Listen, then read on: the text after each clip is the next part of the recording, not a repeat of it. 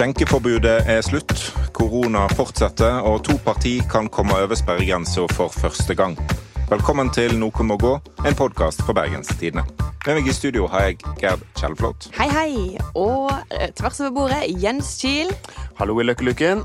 Og så eh, vår heimlege USA-ekspert Morten eh, Myksvold. Var det fint å se på eh, internett-TV i går? Det var veldig fint å se innsettelsen av Joe Biden Ble, onsdag. ble du rørt? Jeg ble faktisk det. Eh, egentlig mest når Kamala Harris eh, ble tatt eh, inn i ja, varmen eh, som eh, første kvinnelige visepresident. Første kvinne som ble tatt inn i varmen i USA. Ja. Nei, det er ikke Altså, verst. hver gang Trump har tatt en kvinne inn i varmen, så har det vært på feil måte. Nei. for, for. Nei, men dere, eh, før vi går videre Jeg føler at vi må kanskje mm, eh, lage en ny spalte her. Men vi liker jo så godt spalter. Her eh, skal vi kalle den for eh, Noen må feile. Noen har feila. Ja, kanskje mer noen har Ja, og denne gangen er det vel noen har følgefeila, på en ja, måte. ja. Å, det er de verste feilene. Følgefeilene. Fordi, Er det hasterelatert? Følgefeil, eller? Morten, Den der, altså, det måtte jeg faktisk tenke ordentlig på. Nei, nå må du gi deg, altså. en pappavits med en intelligens. Ja, nei, det var ikke intelligens. Det var bare en veldig lang vei dit. Men ok, i forrige episode så snakket vi jo om eh, når Jens dreit skikkelig på draget. Oi. Og kalte, eller sa at Nikolai Astrup jo aldri kunne ha vært fra Sunnfjord eh, Eller det var ikke et sunnfjordsk navn. Han glemte at eh, det en gang var en Nikolai Astrup i Sunnfjord. Men i hvert fall da, eh, så prøvde jeg selvfølgelig da å brife med lokalkunnskaper fra Bremanger. Eh, Uh-oh. ja, og det må gå feil, sant? Det må bli feil. Jeg sa at, eh, vi, fant ut at Nikolai Astrup er fra Kalvåg. Jeg sa ah, han er fra Bongs, eh, som er det de kaller Ytre Bremanger, trodde jeg da. Men nå har jeg blitt retta. For en uh, lytter fra plassen Berle, uh, som ligger Oi, nå tar jeg feil igjen, men altså, det ligger jo i Ytre Bremanger. Ja. Ikke i bongs. Ikke i Bongs. Eh, fun fact om Berle, bare for å skyte det inn eh, midt inni her. Dette er podkasten for deg som elsker fun facts om Berle i Bremanger. Kan du garantere at denne fun facten faktisk er faktabasert? Ja, for okay. jeg har vært der. Har du ikke lest en bok? Nei, ikke okay, lest en bok. Dette ble ja. Berle er altså ei bygd Jeg har ikke vært i Berle, da, men jeg har vært eh, dit vi skal nå. Fordi Berle ligger på eh, andre sida av et fjell. Ei ei lita bygd som ligger på andre sida av et fjell. For, for å komme dit må du kjøre, kjøre gjennom en veldig lang tunnel. Og vet dere hva den heter? Nei. Den heter Berleporten. Ok, det er litt vakkert, faktisk. Det er kjempefint. kjempefint. Det står skrevet kjempestort over tunnelen. Berleporten. Ok, Men vi skal videre. For Hvis du kjører litt forbi Berleporten, så kommer du til Bongs. Som en plass, ikke en Region. område. Ja. Ja, nei, det er bygd på en måte, da. Ja. Er litt uh, spredt uh, befolka bygd. Um, men for å komme til Kalvåg, da er du altså kjørt forbi Bongs. Det er ikke lenger Bongs. Sånn at uh, han var ikke bongser. Eh, han var uh, kalvåger. Nikolai Astrup. Men du har meg rett oppi det. Dette her Men han er var i altså hvert fall ikke fra Sunnfjord. Jo da. Eller, vet du hva? Og dette blir veldig vanskelig, for Bremanger er sånn halvt Sunnfjord, halvt eh, Nordfjord. Jeg jeg trodde det var Kinn som var delt i to. Jeg skjønner ingenting. Nei. Jeg veit ikke hva de definerer seg som der. Men anyways, dette var podkasten for de som eh, elsker veldig nøyaktig geografi i Bremanger.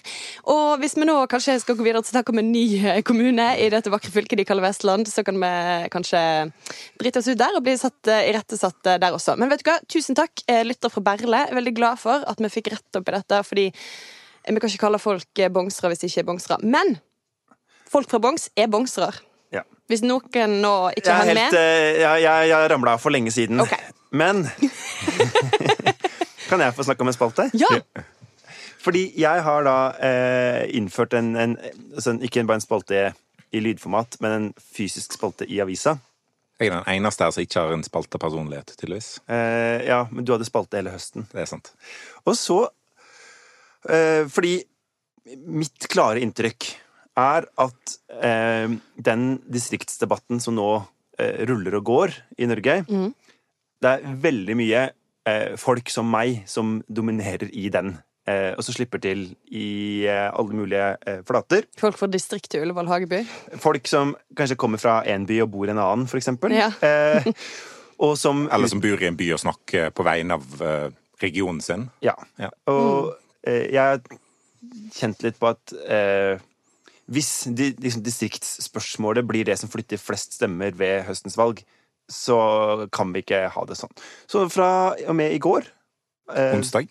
som var onsdag, eller fra og med denne uka, da, så har vi en ny spalte i BT som heter Distriktsopprøret, hvor eh, jeg heller da tar inn folk som ikke bor i Bergen sentrum, primært, eh, for å skrive om små og store eh, spørsmål som vi må få løst på bygdene våre. Jeg tror det kan bli ganske gøy. Og det er veldig kjekt å jobbe med det. Og det som er litt artig, er jo å prøve å finne de folka som alle sammen sier Nei, jeg tror ikke jeg kan skrive et innlegg. For det er jo de som burde skrive innlegg. Ja. Ja. Og første saken var jo om ladestasjoner på bygda, noe jeg trodde ikke var nødvendig, siden Senterpartiet tydeligvis mener at alle på bygda kjører dieselbil. Ja, så var det en senterpartist som etterlyste bedre lademuligheter. Og det er jo kanskje en grunn til at mange i Sogn da kjører dieselbil, fordi at infrastrukturen for lading ikke er så fryktelig god. Ja, og det tenker jeg sånn eh, Du kan lade bilen din eh, hjemme, men tross alt så skal du kanskje litt mer rundt forbi enn bare hjemme, og da må vi ha en plan for dette. Jeg synes det var litt sånn gøy og med, eh, Det var en problemstilling jeg ikke hadde tenkt over sjøl. Så ja. typisk sånn Dette kunne ikke jeg ha skrevet om. Jeg ser du. Ja. ja. Er det forbudt for oss i byen å skrive i den spalten? jeg har faktisk en bykvinne eh, lina opp i spalta. eh, Så det er ikke fullstendig scenenekt i distrikts... Eh, cancel culture. Nei, men jeg, eh, jeg tror ikke at eh, jeg skal ikke være helt nazi, som det heter her i Bergen. Bare litt. Bare litt. Ok.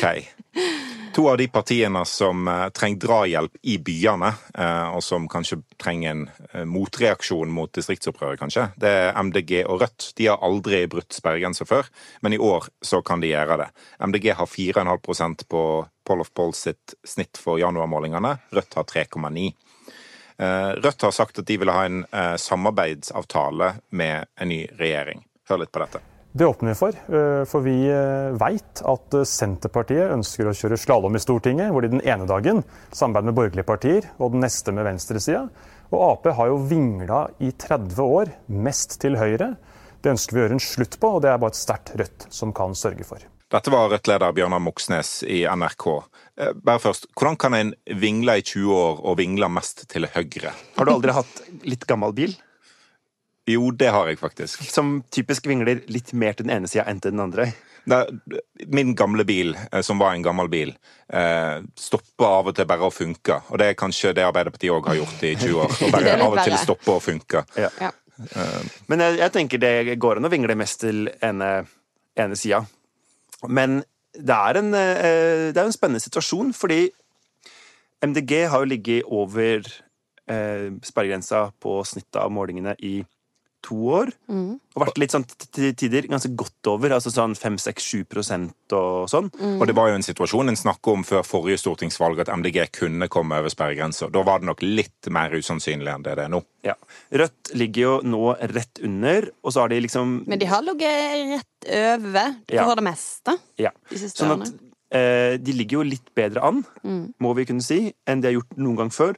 Men det er litt sånn spennende for begge to, da. Mm. Eh, og på samme måte som at du kan liksom ikke avskrive Venstre og KrF eh, når de ligger rett under, for det er ikke så mange tusen stemmer som skal til for å klare å bryte denne magiske 4 %-grensa og få disse gjeve utjevningsmandatene. Mm. Så er det heller ikke så mye som skal til for at disse dupper rett under. Eh, hvis for eksempel Arbeiderpartiet kommer litt mer i form, eller eh, hvis eh, eh venstrevelgere som kanskje har gått til MDG, tenker ja, det var jo ikke så dårlig den klimaplanen de fikk til nå, eller altså Det skal ikke så veldig mye til, da. Nei. En kan jo komme i en situasjon der ganske mange partier havner rett under sperregrensa. Eh, og da er det veldig mange velgere som plutselig er veldig dårlig representert på Stortinget. Mm. Det er en fare med det stortingsvalget i høst at Se at MDG og Rødt og Venstre og KrF havner på mellom 3 og 3,9 alle sammen. Så er det jo 12-15% av velgerne plutselig som eh, blir veldig lite representert på Stortinget. Mm. Mens Arbeiderpartiet kan få mange mandat med relativt få stemmer. Mm. Men Rødt vil ha makt. Ja, de vil ha en samarbeidsavtale med regjeringen. Litt sånn som de har hatt i, med byrådet i Oslo. Den har jo brutt sammen uh, der, men, men, uh, men, de vil ha det med regjeringen. Tror dere at det er en god strategi for Rødt? Jeg tenker at de, Det er kanskje den eneste strategien at de kunne ikke ha sagt 'vi vil i regjering', fordi det Det er ingen som vil ha de. Nei. Og jeg tror ikke Rødt-velgerne vil i regjering heller. med Det- partiet sitt. Jeg tror ikke Bjørnar Moxnes vil i regjering med partiet sitt heller. Nei. Og så tror jeg at eh, hvis de hadde sagt vi vil bare være en opposisjon De må på en måte love velgerne at eh, vi skal faktisk Du skal få noe for denne stemmen. Hvis Ja, du, vi vil heller ha en venstresideregjering enn en høyresideregjering. Og lykkes Rødt med å gå inn i en samarbeidsavtale med en regjering, om det er Ap, SV eller Ap Senterpartiet eller noe sånt, så kan, kan jo Moxnes hindre det han sa til NRK, nemlig at Senterpartiet vil prøve å finne flertall både på venstresida og på høyresida fra sak til sak. Jeg tror da at hvis det blir at eh, SV, Arbeiderpartiet, Senterpartiet eh, får mange stemmer, men ikke får flertall, de tre partiene, så tror jeg at det for eksempel for Arbeiderpartiet kan tenkes å være en ganske eh, klok idé å vurdere en sånn type samarbeidsavtale. for å hindre at Senterpartiet blir for mektige i koalisjonen. Altså, for eksempel på klima så er det jo litt sånn um, Jeg tror at alle skjønner i Arbeiderpartiet at vi må levere minst like bra som dagens regjering på klima. Mm. Eh, de kan ikke på måte Norge kan ikke begynne å sakke akterut. Eh, og så har jo Senterpartiet hver eneste gang de har mulighet, så viser de jo motstand mot konkrete klimatiltak. Og det for Arbeiderpartiet da å kunne liksom få med Rødt, eksempel, til å binde dem til noen tydeligere tiltak, kan være en eh, klok idé. Eh, så jeg tror jo at eh, Og samme Altså at, at, de, at Arbeiderpartiet kan få eller, mer av den rollen som Høyre har hatt nå, da, med å kunne si Folk på begge sider av oss krangler. Da kan vel kanskje Arbeiderpartiet sin politikk være et greit kompromiss for alle sammen. Emneknagg, eh, heilskapen. Ja. Eh, men Hvordan blir det for SV, eh, en sånn samarbeidsavtale, da, hvis, hvis Rødt eh, klarer det? De vil jo kunne havne i en litt skvis med å være det minste regjeringspartiet i en sånn situasjon, eh, og ha et relativt stort Rødt til venstre for seg. Mm, Det blir jo kanskje litt sånn som vi så eh, når, eh, når eh, Venstre var i regjering og KrF sto utenfor, eller altså når en får disse samarbeidsavtalene Nei, når en må gå inn på kompromiss på hver sak. Ja. Eh, og da får de små partiene vise seg mer enn de som, sitter i, eh, som er utenfor, får vise seg mer enn de som sitter i regjering. Sorry, nå ble det veldig rotete. prøv å si dette en gang til. Jeg skjønte faktisk ikke hva du mente. Ok. Hvis du har små partier utenfor regjeringen som inngår kompromiss med regjeringen, som skaffer de flertall, så får de små partiene utenfor regjeringen vist fram seirene sine mye mer. Men det klarte jo ikke verken KrF eller Venstre å tjene noe på Nei. når de gjorde det. Så dette ga ingen mening. Jeg bare sånn at- tilbake. Ja. For det blir jo ofte sånn at de partiene som står utafor, må prøve å bare fikse ting sett fra deres synspunkter, som regjeringen har gjort feil, og hele tida liksom henter ting tilbake igjen og, og jobber veldig hardt for å, å bare rydde opp. Eh, og så blir de jo hekta på regjeringen i alt Ja. de gjør som er upopulært. Den viktigste grunnen tenker jeg, for et litt lite parti til å bli med i en sånn stor koalisjon, det er jo å få gjennom en del sånne hjertesaker som eh, du ikke får flertall for på Stortinget. Altså eh, generelt, da. Eh, Sånn som KrF har gjort med bioteknologi. Bioteknologi, ja. ikke sant? Eh, Men kanskje forskjellen er jo det der at eh, når Venstre da får med regjeringa på nei til boring etter olje ved Lofoten, Vesterålen og Senja, så er det en sak som er dårlig representert på Stortinget, men veldig populær i folket. sant? Mm. Det, er, det, er, det er veldig mange i Norge som ikke vil ha oljeboring ved Lofoten, for eksempel. Ja. Uh, og det å klare å finne de sakene, da, som er sånn um, Rødt kjører jo veldig hardt på med dette med nei til velferdsprofitører. Altså, og hvordan de kan og, og det er det mange flere i folket som støtter, enn det er eh, folk på Stortinget som støtter den saken. Og det, hvis man finner sånne typer saker, så kan man kanskje klare å eh, vise fram at uten oss så får ikke alle dere velgere der ute denne hjertesaken gjennomført. Eh, Men hvis man finner de her Faren er jo at man ikke helt bare klarer å finne de sakene, men også finner alle de litt smalere sakene som ganske få støtter der ute, eller som få bryr seg om, da. Og på en måte tvinger det gjennom. Ja. Da blir man kanskje ikke så populær. For det er jo typisk litt det KrF har gjort for mye av, tror jeg. M MDG, da. Eh, hvis de kommer over sperregrensa, bør de inn i regjering, eller kan de gå for en lignende type strategi, at de vil ha en samarbeidsavtale? De har jo vedtatt at de vil helst forhandle med Ap og SV. Eh, å da ikke gå inn i regjering med Senterpartiet. Nei, så rart. MDG prøver jo å, Tror du ikke det? At MDG prøver å, å bli på en måte SPs fiende nummer én? Altså i, tillegg til regjeringen, da. Eh, Eller ved siden av regjeringen. Eh, Fordi at eh, Ja, sånn som vi så i Bergen i ikke i fjor lenger, forfjor. eh, 2019. I 2019, i kommunevalget, så tjente jo MDG veldig på å være på en måte den tydelige sånn motstemmen til bompengepartiet. Klem en bomring. Ikke sant? Eh, og det kan vi vel kanskje tenke oss at de kan, eh, kan også bli eh, mot Senterpartiet. Altså veganerne, som Senterpartiet liker å, å hamre løs på. Så bare spise hasj til frokost. Ja. Ja, Men jeg tror det er litt eh, eh, Det at Arbeiderpartiet foreløpig tenker at vi skal bare sitte og se på at Senterpartiet tar alle velgerne våre, og vi skal ikke argumentere mot Senterpartiet. ja, det er en strategi Det er, som de lykkes kjempegodt med. det er en superbra strategi, eh, som jeg skjønner at alle der bare omfavner. Og så Vi ser jo resultatene av det. Det Ja, går ja, ja. kjempebra for Arbeiderpartiet. Mm. Eh, og det at da eh, Hvis MDG i stedet da kan være den som faktisk sier dette blir for dumt, Senterpartiet, så kommer de jo i angrepsposisjon. Da blir de invitert til debatter. Da er de liksom interessante. Og de har store velgergrupper, spesielt i Oslo, men etter hvert òg i, i Bergen, som, som, som kan gi de eh, Og så er mitt inntrykk at det er litt forskjell på MDG og Rødt-velgerne. At Rødt-velgerne er mer protest, mens MDG-velgerne gjerne ser sitt parti sitte ved, styr- ved maktas bord, på en måte. da. Tror ikke Det må en jo nesten Altså, revolusjon har en jo eh, all verdens tid på å få til. Um, og, og kutte klimautslipp må en kanskje uh, gjøre veldig, veldig fort. Eh, og, og det er nok lettere å få gjort noe med det i regjeringen enn på utsida. Men MDG kjører jo en veldig sånn ja, kompromissløs stil når de nå eksempel eh, i Bergen ønsker å forby fossilbiler om fire år. Eh, fra ei som nettopp har kjøpt seg en fossilbil, da, så syns jeg det høres litt voldsomt ut. Men eh, det er nok kanskje bare meg. Jeg fikk jo reparert min bil, fossil. Eh, veldig fornøyd med det. Du har tenkt å ha den i fire år til, eller? Altså, Jeg vet ikke hvor lenge Straight Talk Express overlever, men jeg krysser alle fingra jeg har.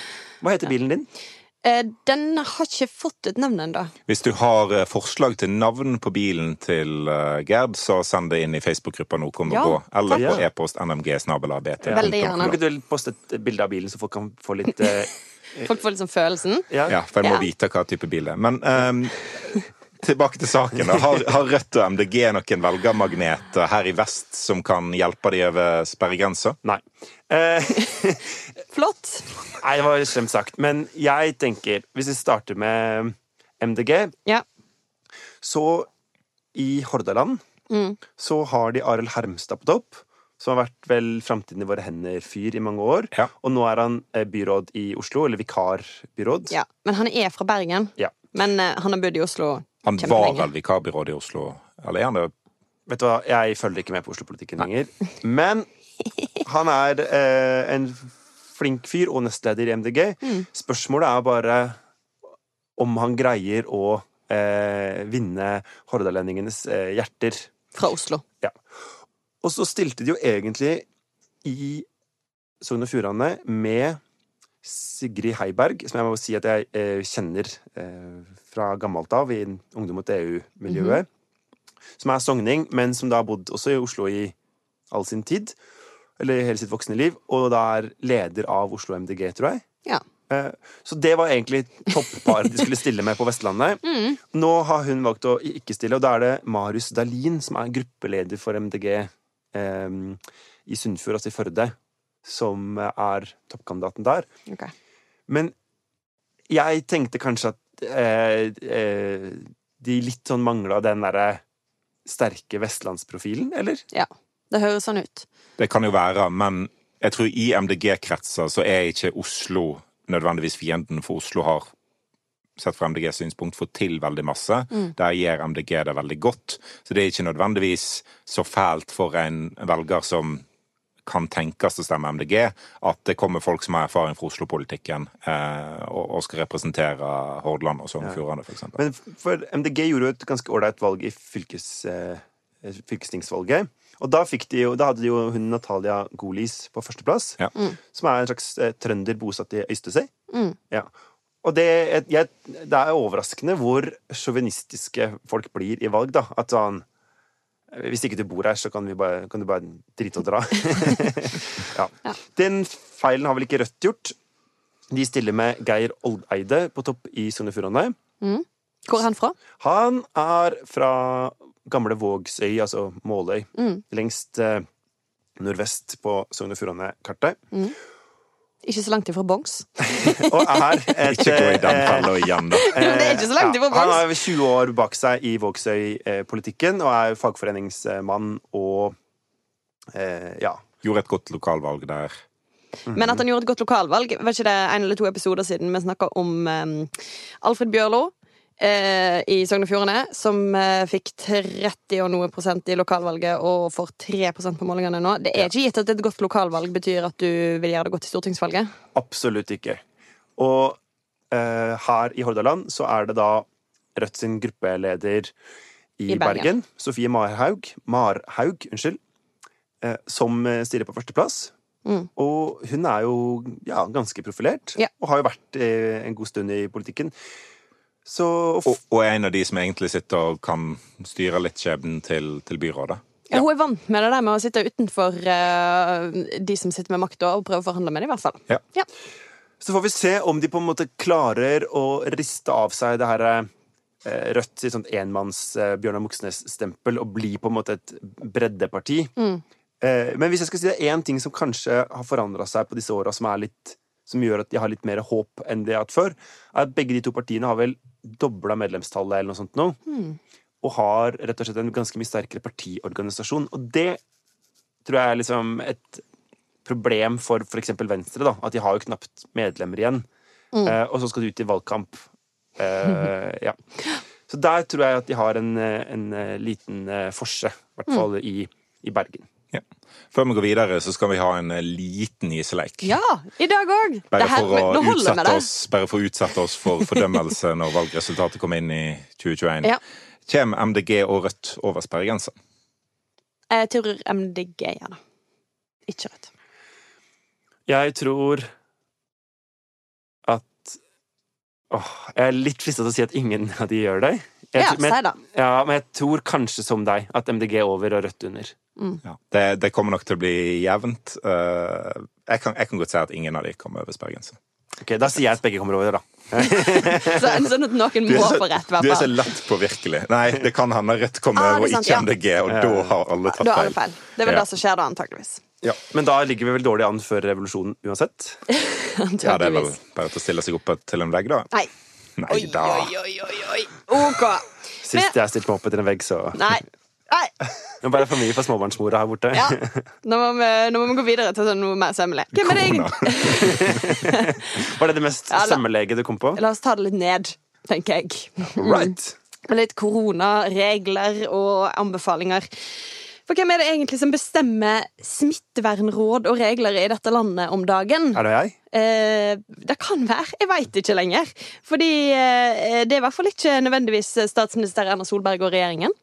Eh, det kan eksempel være Siv Jensen, for, som eh, tirsdag denne uka eh, sto i bresjen for å åpne landets eh, alkoholholdige kraner.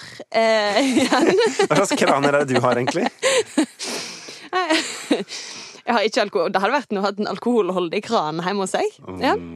Eh, Men i hvert fall, Erna Solberg prøvde jo da å vente ei uke med å eh, åpne Hva heter det? Eh, Avslutte skjenkenekten, Ja. som hun innførte til nyttår. Eh, Men fikk en samla opposisjon mot seg. Hør på dette. Den viktigste grunnen til dette handler jo om alle disse serveringsstedene rundt omkring som har veldig små marginer, eh, som risikerer å gå over ende, rett og slett, pga. tiltak som kanskje ikke treffer godt. Det var altså partier fra Rødt til Frp som fikk gjennom at det skulle være lov å servere alkohol i kommuner med lavt smittetrykk. Og regjeringen og helseminister Bent Høie de svarte da på denne måten. Nå har Stortinget gjort én prioritering. De har prioritert eh, alkoholservering foran andre tiltak. Og Det betyr jo at andre lettelser eh, vil måtte kunne skyves ut i tid. Ja, Litt surt. Nå er du sliten, Bent! Orker ikke mer av dette. Ikke se oss imot. Han vil kunne komme med poetiske liksom, beskjeder til ungdommen. Mm. Ikke bli overstyrt av uh, de som faktisk er Ikke grunnlovsmessig i stand til å overstyre han. Når han, han var sikkert på vei til å skrive sant? en tale til alle som nå er Punktum. tørrlagte. Punktum. Ja. Punktum. Ja. Vi vet dere er tørste. Det er, dette er den samme Bent Høie som blei sur da han fikk et vanlig kritisk spørsmål fra Fredrik Solvang på Debatten i høst. Ja. Eh, Men han, han sier jo at eh, det er Stortinget som nå eh, prioriterer alkoholskjenking foran barn og unge. Er ikke det litt, litt hardt? altså, vi snakker om fyren som i fjor våres, eh, som helseminister, var med på å stenge alle landets skoler. Men la barene være åpne til åtte-ni på kvelden, i hvert fall. Eh, så da var det han som prioriterte alkohol foran sårbare barn og unge, da. Nå syns du du er litt ufin å bruke logikk mot regjeringens ja. retorikk. Men jeg synes det, det er liksom eh, eh, En ting som jeg tror denne regjeringa vil slite med, er hvis de skal på, på den ene sida si nå politiserer opposisjonen smitteverntiltakene, og på den andre sida bruke sånn her type språkbruk. Fordi alt i alt så må vi jo kunne si denne regjeringa har jo styrt Norge bra gjennom eh, pandemien. Altså Ja. sånn eh, Vi er et av de landene i verden med lavest ja. smitte, og eh, Altså, Anders Tegnell kan si hva han vil om norske tiltakene, men foreløpig mange av oss er i live. Mm. Men sånn som eh, disse tiltakene her, da, som har vært dårlig begrunna, har mange ment. Og jeg Virker si- preventive. ja, og meg sjæl også. Jeg, liksom, eh, I områder med lite eller ingen smitte så er det akkurat like strengt som i områder med høy smitte. At, at tiltakene er helt frikobla fra smittetrykket. da. Og det var regjeringen veldig tydelig på i fjor, at for at tiltakene skulle ha legitimitet, at folk skulle eh, følge de og ikke begynne å lage sine egne regler og tolke reglene sjøl, så måtte en ikke gå for hardt til verks. Det var grunnen til at de var litt treigere eh, på å stenge skoler enn eh, noen kritikere ville at de skulle være. Mm. De ville ikke Et ta for hardt i. døgn Et enn helt- Bergen. Et helt døgn seinere. Ja. Men er det, er det farlig, eller er det bra at opposisjonen blander seg? opposisjonen blander seg egentlig ikke. Altså, de kom med et anmodningsvedtak eh, som ikke sier at Hva er et anmodningsvedtak? de ber regjeringen om å gjøre noe. Eh, Så det eh, Regjeringen har lang tradisjon for å ikke følge de anmodningsvedtakene på minuttet. Mm. Men som var det de gjorde denne gangen? Fordi- de til denne sammen denne uka da, så har opposisjonen vedtatt 32 eh, Unnskyld, ny telemåte. Eh, 32 anmodningsvedtak. Mm. Og det er jo alt fra sånn gå ut og redd Norwegian til åpne kranene i områder hvor det er uh, mulighet for det. Mm. Og det er jo ikke sånn at regjeringa fulgte alle 32 på sekundene. Nei. Men dette var sånn Ja ja, da vil dere vi skal åpne på sekundet, da! Da blir det vel fullt smittehelvete i hele landet! Ikke ring til oss når Besto dør. Nei. For de som har satt Snakkes aldri. For de som har satt parterapi, så er vel Ulrik eh, den gode parodien på Bent Høie her. Oh, ja. Der det er full, full meltdown med en gang en møter litt motstand. Da bare tar jeg og selger huset, jeg, da. Ja. Og det var så fint med eh, Erna Solberg som var ute og sa ja, da blir det vel ikke noen flere eh, lettelser neste uke, da. Og så var det så måtte SMK, statsministerens kontor, ut etterpå og si eh, det her statsministeren mente å si, var at det var kun eh, skjenkevedtaket som skulle evalueres neste uke. Det er bakgrunnen for at det ikke blir andre lettelser. Ja, for Det hørtes ut som det skulle være en slags hevn. At nå, nå må eh, måtte nå blir det rødt nivå på skolene igjen, eller vi løs- løsner ikke opp andre restriksjoner Ja. fordi Stortinget var så eh, fæl at de prioriterte Og, Kjell, foran og Kjell Ingolf. Rops, eh, Ropstad i KrF han sier òg at ja, typisk Frp bare tenker på alkoholen. Tenk på de eldre. Men, men Tips til Kjell Ingolf Ropstad. Det er en del eldre som også drikker alkohol. Ikke alle eldre er avholds, selv om kanskje en del i KrF er og, det. og stortingsflertallet mener jo ikke at alkoholen skal flomme. Det er snakk om inntaksforbud etter 22, det er skjenkeforbud klokka eh, 24.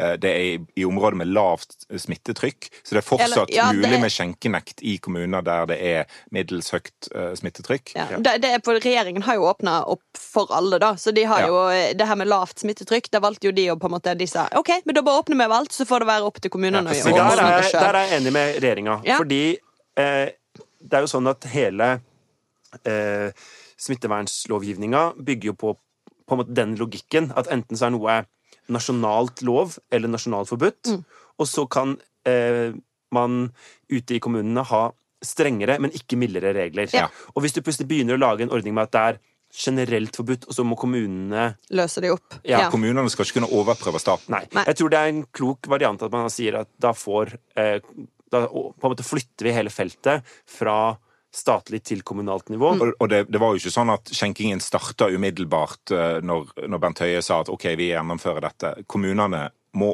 åpne opp eh, lokalt. Friday, I'm in love. Ja, Noen som gleder seg. Men eh, Noen har bestilt bord. Okidok. Noen skal ut i smittepøllen. Bergen er ikke en smittepøl. Å ja. Men, Men, eh, men er det dere, ikke det? altså La oss legge den, eh, la oss legge den ballen død. ok? For når mamma og pappa krangler, sånn som de gjør på Stortinget nå, så kan man jo eh, begynne å utnytte det.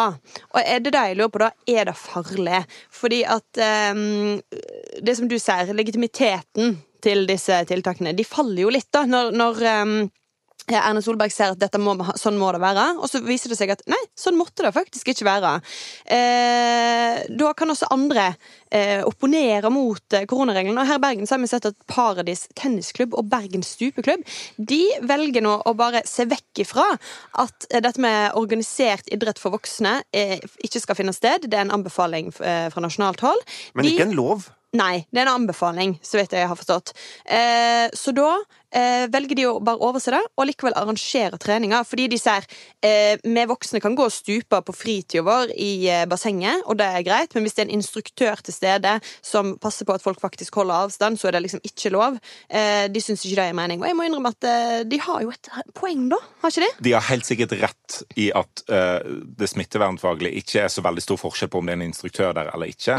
Og, og alle i kulturen som klager over fastmonterte seter versus løse seter, har nok rett i kritikken av regjeringen der. Men det betyr jo ikke at folk kan begynne å lage sine egne smittevernråd Så sånn helt uten videre. fordi at en må nesten følge de rådene som gjelder. Og så kan en diskutere mot de, en kan eh, eh, krangle, en kan komme med innspill, regjeringen kan bli pressa, men eh, folk kan ikke, vi kan ikke ha egne anbefalinger som en stupeklubb lager, og så er det andre som forholder seg til regjeringen. Så kjenner jeg litt på den derre Når det først var noen som sa det må gjelde egne regler for meg, så er det ikke så veldig vakkert at det er Paradis tennisklubb. Bare fordi de bor på den rike siden av byen, så må jo de få lov til å føle litt på hvor hardt dette er. Ja, eller kanskje ikke. nei. Jeg tror at eh, eh, Rike folk har ikke liksom- lov til å føle noe, bare så dere vet det, ifølge Jens Kiel. Gyllent bur. Cancel culture.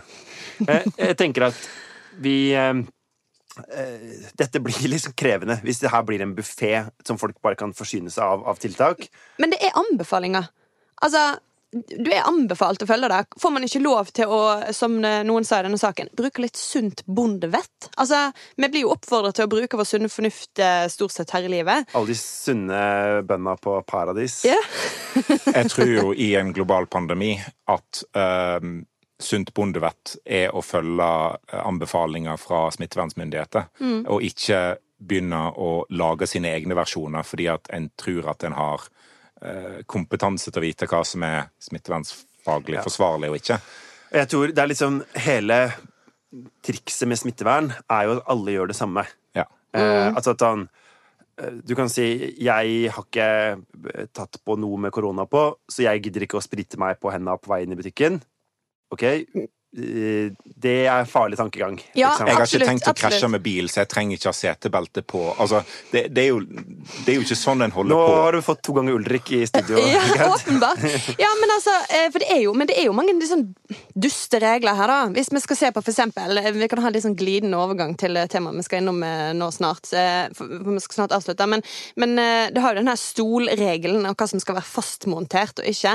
Eh, Og så i en sak i Bergens Tidende denne uka så sier da kulturminister Abid Raja at regjeringen nå ber Helsedirektoratet om å vurdere regelen for å se om fastmonterte stoler også kan tolkes som faste tilviste plasser. Og jeg lurer på, Er det da stolavdelingen i Helsedirektoratet som tar det? Hvor, hvor er stolkompetansen i Helsedirektoratet? Den er ganske høy, for det er sånn som da vi hadde diskusjonen om eh, kirkekonserter før jul. Ja, og det Og er jo da- fastmonterte. Ja, men da var det det at man kan skli på benken. dette, dette nye smittevernfaglige uttrykket 'skli på benken', som jeg syns var veldig fint. Jeg har vært i kirka noen ganger i mitt liv. Jeg har aldri sett noen som har sklidd på benken. Det er ikke sånn norsk kirketradisjon er. altså. Altså, har ikke du vært altså, Jeg har vært på skolegudstjeneste. Ja, for det var det jeg også skulle til å si. Jeg Har du aldri sett barn? Jeg har sklidd på benken, ass. Hvis det er lov å si. Nei, det er kanskje ikke det. Nei, jeg tror ikke det. Ikke i kirka. Unnskyld eh, til Alle. Eh, Vi skal videre til vår faste spalte og Vestland. Og siden Gerd har spoila temaet, så kan jeg kan like godt spørre hvor har du tenkt deg i dag, Jens, og får jeg lov til å være med?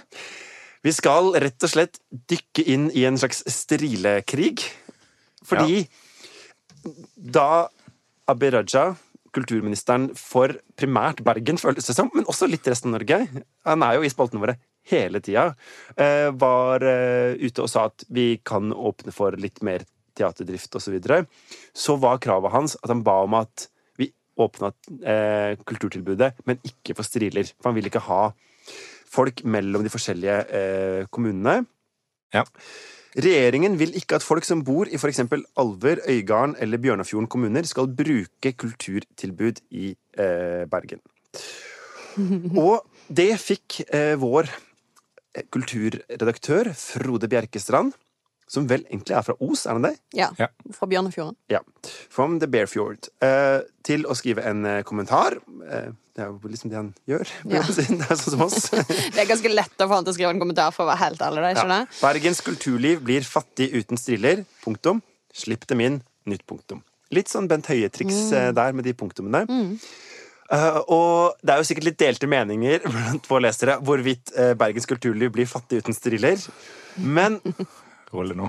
eh, spørsmålet er litt sånn eh, hva, hva er dette for noe? Har, eh, har Frode rett i at dette er et stygt, eller skal vi bare kan vi si, som vi sa litt i den forrige saken, at vi må godta bare regler sånn som de er for tida, så kan vi heller synes at de er litt rare. Det må jo faktisk dere gjøre, for dere har jo sagt at man skal gjøre det uansett nå. Så ja, dere har jo malt dere inn i et hjørne. Hæ? Oi! Men hva med deg, da, Greit? Ja, jeg er jo egentlig frøken Regelrytter. Ja, du er jo det. Men, men denne regelen her er jo litt sånn beslekta med hytteforbudet. At, for det var jo en forlengelse av ikke reis til en annen kommune enn den du bor i. Eh, men hytteforbudet er litt lettere å håndheve. for du Altså, Erna Solberg trua jo med å sette inn Sivilforsvaret i påsken og gå fra hytte til hytte. Tusen takk for at du ikke gjorde det. Hilsen Sivilforsvaret avdeling Hordaland. Men nå blir dere satt inn til å gå benkrad til benkrad i DNS.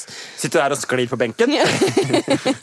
Men den, den regelen var litt lettere å håndheve, for du kunne se om det var lys i hytta. Du kan jo vite hvem som eier de ulike hyttene, om de kommer fra eh, samme kommune eller en annen kommune. Fortsatt ganske drøyt å gjøre. Fortsatt ganske drøyt å gjøre. Ja. Med blendingsgardiner i hyttene, på en måte. Det blir jeg, litt... jeg tror jo mange har forståelse for at når det er høyt smittetrykk, noe det ikke er i Bergen akkurat nå, mm -hmm. så uh, bør en reise minst mulig mellom kommunene. Det ingen Holde seg lyst, mer i ro. det er jo ingen fra Knarvik som har lyst til å komme inn til Bergen når vi sitter her som sånn Wuhan-smittepøl. Vi har- er ikke en Wuhan smittepøl Vi Nei, nei, det det jeg mener. Eller men- vi er jo på et nivå med Wuhan, er vi ikke det? Nå? ja. Det er fordi Wuhan ikke har så masse ja, nemlig. Vi er liksom Norges Kina. Ja. Men altså eh, I en annen setting så burde sikkert Frode vært her for å kunne forsvare kommentaren sin, men jeg tenker vi bare kan ha en regel i podden om at eh, redaktørene i BT ikke på en måte er omfatta av Vær varsom-plakatens rett til, til svar. I, i sin egen avis. Det høres helt greit ut. Ja, Ja. de kan få litt- Skriv en kommentar hvis det er så viktig, da. Ja. For eh, Frode skriver eh, Strileforbudet griper rett inn i et minefelt bergensere og ombygdinger har tråkket i siden middelalderen. Eh, det toppet seg med den legendariske Strilekrigen i 1765. Da ble Bergen invadert av rasende bønder og fiskere fra Nordhordland og andre kystområder. Kjør! Eh, hva er Strilekrigen, Myks? Strilekrigen var når eh, bønder rundt Bergen protesterte mot en ekstra skatt fra danskekongen. Eh, og så gikk en inn og rista litt i eh, eh, danskekongens mann i Bergen, eh, Cicignon. Cicinho. Ja, og så ble det litt, Som eh, heter Ulrik. ja, så ble det litt, eh, ble det litt eh, tumulter og litt dødsstraff og litt sånt ut av det. Fort Ja. Eller Tirsdag, som vi kaller det i Bergen. Ja. Var, altså, Frode har rett i at det har vært århundrer med motsetninger mellom byen og strilelandet. Jeg tror Strilekrigen av og til blir litt for mye by mot land. Det var bønder mot danskekongen. Altså fattig mot rik. ja. Um, og så var det selvfølgelig mange i, var det mange i Bergen som så på dette som et angrep på Bergen. eh, siden det skjedde her, og det var ødeleggelser, her, det var butikker som ble, uh, ble ramma og, og sånt. Ja, men kan jeg bare få si at eh, Abid Raja er jo eh, ble jo veldig kjent for noen år siden eh, for å ikke vite um, hva som egentlig ligger i eh, begrepet brun. Så jeg lurer på om han kanskje ikke har full oversikt over eh, hva han har gått inn i her i strilekrigdomenet heller, på en måte. Om den historiske betydningen av den regelen han nå har fått eh, påført oss. Jeg tror, at, jeg tror at forholdet mellom by og land og striler og bergensere ikke er så betent nå. Altså, Bergen er tror, jo til til jeg tror dels heller ikke det. det er Bergen er til dels en Strila-kommune. En slo seg sammen med, med Åsane og Fana i Ja. 1972. Strila kommune. Ja. Eh, det, det er Strileland. Det er der søtmelkstrilene kommer fra, eh, blant annet. Søtmelkstrilene. Jeg Jeg har vet lyst til å spørre hvorfor, mer om dette. jeg vet ikke men jeg hvorfor det heter det, men det, det er sikkert okay. en fornærmelse fra de andre strilene, sånn som Slo-strilene og, og sånt ut i eh, Øygarden. Jeg tror heller jeg vil være en søtmelkstril enn en slostril. Men jeg er vel en Kristiania-stril, er jeg ikke det? Nei, du er ikke stril i det hele tatt. Men det uttrykket Kristiania-stril er om folk fra Kristiania. Altså at man eh, fra gammelt av har brukt uttrykket om alt som bare ikke er i Bergen. Ja, eh, Det en mener er definisjonen, er jo den som kan ro inn til Bergen på en dag for å selge ting på, på torget og ro hjem igjen. Ja, jeg har jo på en måte som jobb å ro. Men til, til kulturbiten så er det interessant at Harmonien i Bergen ble stifta, eh, og, på første, eh, første konserten til Harmonien så var det et slags spark til strilene eh, i en, eh, en avsluttende arie. Eh, vi skal oss eh, vi, skal, vi ikke oss skal hevne, vår hevn består deri, at vi til striler levner, at hate harmoni. Eh, Oi! men nå vil vi gjerne ha strilene inn til byen for å kjøpe billetter på DNS og i Harmonien og alt. Og Abid Raja bør ikke kunne stoppe oss eh, der. Men eh, har så Frode, Du mener Frode på en måte har et slags poeng. Jeg tenkte at han kanskje hadde tatt litt mye eh, Møllers eh, tran. Men eh, kanskje jeg bare tok feil, som vanlig. om Han, han har et poeng om, det, his- om de historiske røttene for, eh, for eh, skillet mellom bergensere og stril. Altså det, stril har vært et skjellsord eh, i, i mange år i Bergen. Jeg mener at det er mye bedre nå, og at dette forbudet til Raja ikke nødvendigvis åpne åpner opp igjen store kløfter. Eh, nå er striler og bergensere veldig uenige om byutvikling og veibygging, og skal det være eh, fortetting på Sotra? Men det er jo eller- bergensere og bergensere også uenige om. Ja, på en Ja. det er fordi mange bergensere er striler. Men eh, ja, jeg tror jo Altså, det er jo ingen her som tror at eh, Abid Raja på en måte har noe imot striler. Eh, Det er, jeg det er ikke et. Nei, dette. det er ikke det. Og jeg tenker at de, de overlever jo sikkert et par uker uten å gå på DNS. Jeg har jo ikke, jeg har jo ikke sett denne nye. Bergensfilmen ennå, fordi at jeg har jo ikke tenkt på at kinoen er åpen. Ja, jo, For, altså, den er jeg, det. jeg får ikke lov å, Fram til nå da, så har ikke jeg fått lov å ha et besøk hjemme. Så jeg har jo ikke tenkt på at kino er et alternativ. Ja, Så jeg tror ikke det er så veldig inngripende, dette forbudet. Det bare ser fryktelig teit ut at en statsråd står der og bare sier at ja, dere kan, eh, dere kan begynne å arrangere igjen nå, men ikke, ikke ta inn de der strilene i det neste. det blir så bråkete av det. Men det er det jeg mener, disse reglene De blir litt rare, sant? De blir rare, og det er regjeringen sitt ansvar å lage regler som ikke framstår så teite Mhm. at folk ikke vil følge dem. Kan det være eksempel at altså striler sant, som ikke helt kan oppføre seg, og som da eh, eh, roper og synger med, og det er jo mer smittebærende enn å bare sitte høflig og Og du tror ikke de reiser sånn. reise seg inn i teatret og begynner å hoie? Ja, og at det kan føre Altså det kan eh, Men i så fall, da, Jens, de får jo lov til å komme hit og gå på pub. Altså Hvis en stril skulle hatt en eh, liksom, meningsytring under en konsert med harmonien, så hadde ikke det vært å reise seg opp og synge med eller juble. Det hadde vært sånn ja, fint, fint da. Og Mumle for seg sjøl i Han er helt greit. ja. Det er ferdig snart. Nei da. Parkeringen går snart ut. Ja. Så. Nå var det veldig mye eh, Eller det er sånn Morten Myksvold parodierer Morten Myksvold. En interessant subsjanger eh, som jeg gjerne ser mer til i 2021. Ja, ja, da blir det kultur, da. Ok, nei, men Da konkluderer vi med at eh, Bergens kulturliv blir fattig uten stiller. Men ja Slipp dem nå kanskje inn, men la oss nå bare holde disse reglene en liten stund til. Ja. Ja. Før vi avslutter, er det noen som må gå denne uka? Altså, Trump har gått, det var jo greit. Mhm. eh, og J.Lo var der. Det var veldig greit. Og Lady Gaga. Det var enda bedre. Ja, jeg følte meg altså eh, veldig sett som eh, for min seksuelle minoritetstilhørighet. Med er Garth. Brooks, tenker du på? Eller? eh, altså, tjukke, gamle, avdanka countrystjerner. Mm. Ja. Ingen andre trenger å gå enn Trump denne uka, da. Vi har gjort det unna. Gå aleine. Ja. ja, kanskje hun eh, eh, Jeg holdt på å si Triana Iglesias, men eh, dama til Trump. Melania. Melania, Trump. Stakkars. hun burde også gå, men kanskje i en annen retning enn en Trumperen. Okay. Ja. Innspill og tilbakemeldinger kan sendes til nmg-bt.no eller i Facebook-gruppa eh, Noen må gå. Vi kommer med en ny episode hver torsdag. Intromusikk var 'Bergensere' av Bjørn Torske. Produsent er Henrik Svanevik. Du finner eh, denne podkasten, som du hører på, så du har jo allerede funnet den, i BT-appen eller hvor enn ellers du laster ned podkaster på internett. Ha det bra. Ha det. Vi elsker dere.